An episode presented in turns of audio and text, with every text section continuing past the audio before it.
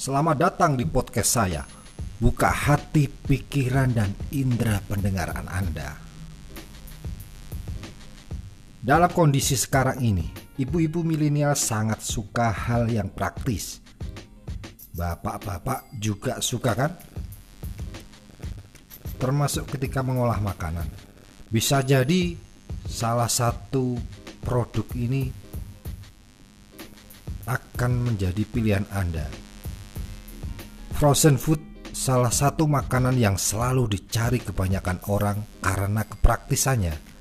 Hal inilah yang menjadi pertimbangan kenapa sekarang semakin banyak banget produk frozen food di pasaran. Bisa kalian cek saja di beberapa toko dan pasar. Beberapa bulan belakangan ketika masih berlakunya PSBB, frozen food menjadi salah satu primadona untuk kebutuhan stok makanan yang awet bahkan dengan jangka waktu lama. Sejak saat itulah, permintaan makanan jenis frozen ini meningkat pesat dan banyak orang baru yang mulai terjun.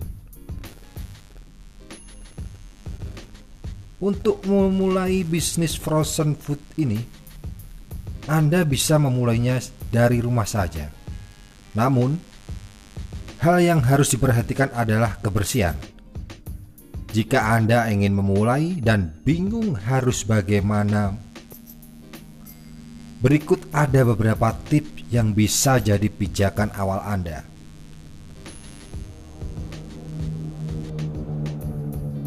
Yang pertama, jangan banyak berpikir eksekusi langsung idemu. Membangun bisnis rumahan memang gampang dan susah.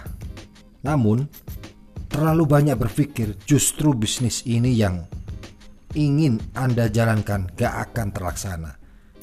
Jika Anda sudah memilih ide yang cukup matang, Anda bisa langsung mengeksekusi ide tersebut. Namun, sebelumnya anda harus melakukan survei di antaranya bahan baku, cek pasar, bisa juga cek supplier untuk bahan-bahan yang Anda gunakan dalam produksi. Dua, memaksimalkan freezer yang sudah ada.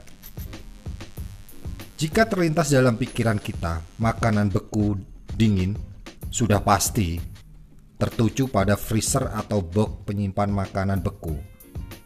Namun, sebenarnya freezer khusus yang berukuran besar seperti yang ada di minimarket dan beberapa swalayan ini belum begitu penting, apalagi ketika Anda baru memulainya.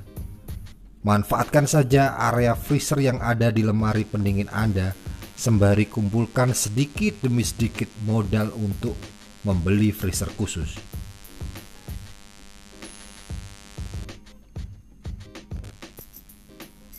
Marketing online.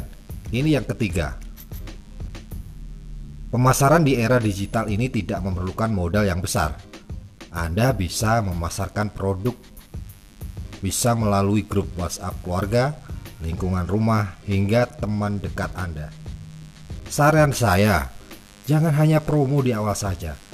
Justru siapkan beberapa produk Anda dan bagikan.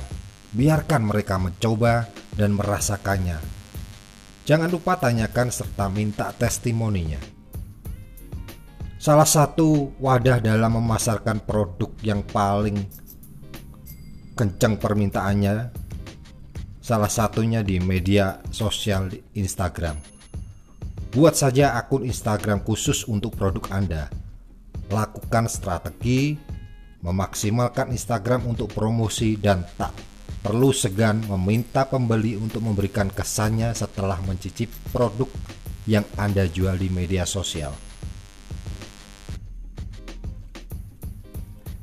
Dan ini yang terakhir mengenai catatan keuangan. Yang satu ini tidak kalah pentingnya mengenai keuangan. Bisnis rumahan bukan berarti lepas dari pencatatan keuangan anda perlu menyiapkan catatan khusus terkait keluar masuk uang sekecil apa pun terkait bisnis. Pisahkan uang yang berhubungan dengan bisnis frozen food Anda dengan uang pribadi. Ingat, jangan sepelekan. Pemisahan ini dilakukan agar Anda dapat mengontrol pengeluaran dan tahu berapa banyak yang dihasilkan. Keuntungan juga sebaiknya disimpan terlebih dahulu dan tak perlu buru-buru untuk digunakan. Jika ada kelebihan dari keuntungan, sebaiknya bisa dialokasikan untuk aset produksi. Bisa beli peralatan contohnya. Silahkan Anda siapkan catatan untuk list peralatan apa saja yang bisa dibutuhkan nanti. Sampai di sini saya yakin Anda sudah mulai panas dan semangatnya membara.